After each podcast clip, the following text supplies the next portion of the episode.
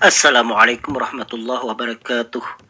Alhamdulillahirrabbilalamin Kembali pada hari ini saya akan menjawab satu buah pertanyaan yang telah disampaikan Assalamualaikum dokter Waalaikumsalam warahmatullahi wabarakatuh Saya laki-laki usia 40 tahun Dua hari terakhir ini betis belakang sebelah kiri terasa pegal berkepanjangan Dan terasa seharian Gejala apa ya dok? Apa yang harus saya lakukan? Apakah ada obat yang harus saya minum? Bolehkah kaki saya untuk diurut? Mohon penjelasannya dok. Terima kasih.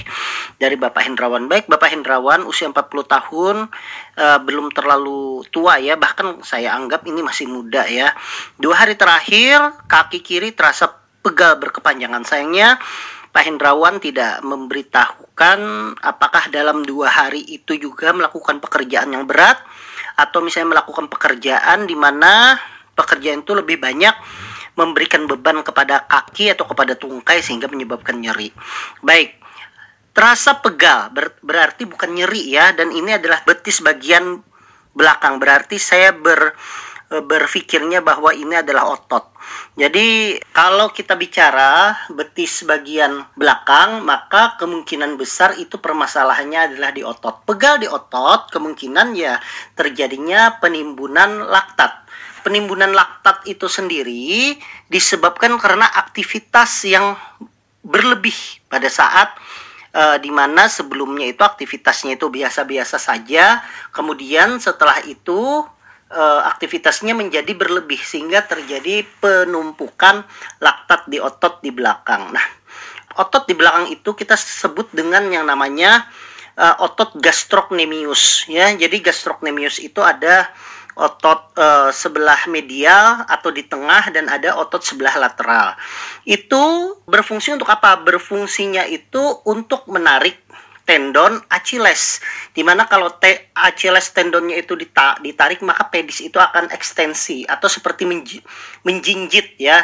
Nah, ini juga akan terjadi pada seseorang yang banyak melakukan aktivitas. Pada saat aktivitas itu berlebih seperti yang saya sampaikan tadi, maka terjadi peningkatan laktat.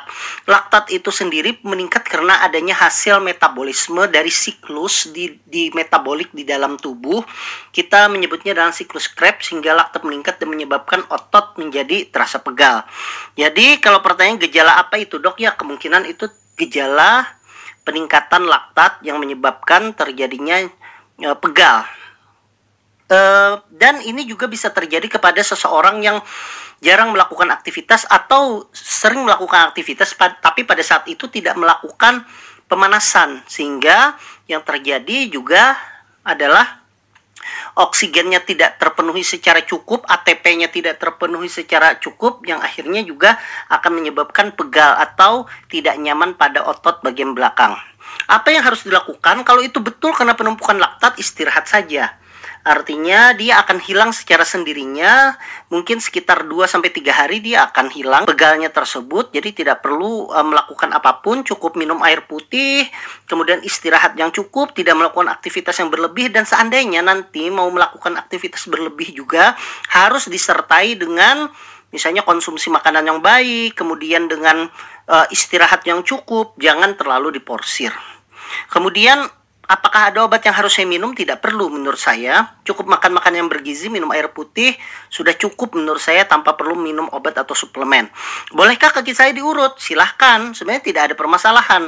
Urut itu sendiri atau pijat itu adalah salah satu bagian komplementari alternatif terapi.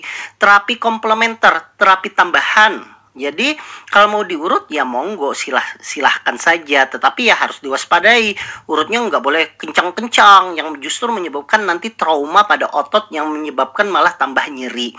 Jadi cukup yang dengan tekanan mungkin menurut saya yang ringan saja atau yang sedang saja supaya menimbulkan sensasi nyaman, menimbulkan sensasi rileks yang menyebabkan mungkin saja uh, perasaan pegal itu menjadi cepat membaik. Demikian Bapak Hendrawan, itu saja jawaban yang singkat dari saya. Semoga itu bermanfaat. Saya doakan Pak Hendrawan semoga sehat kembali, bugar kembali dan kepada seluruh jamaah yang mendengarkan semoga diberikan kesehatan oleh Allah Subhanahu wa taala. Saya tutup. Wassalamualaikum warahmatullahi wabarakatuh.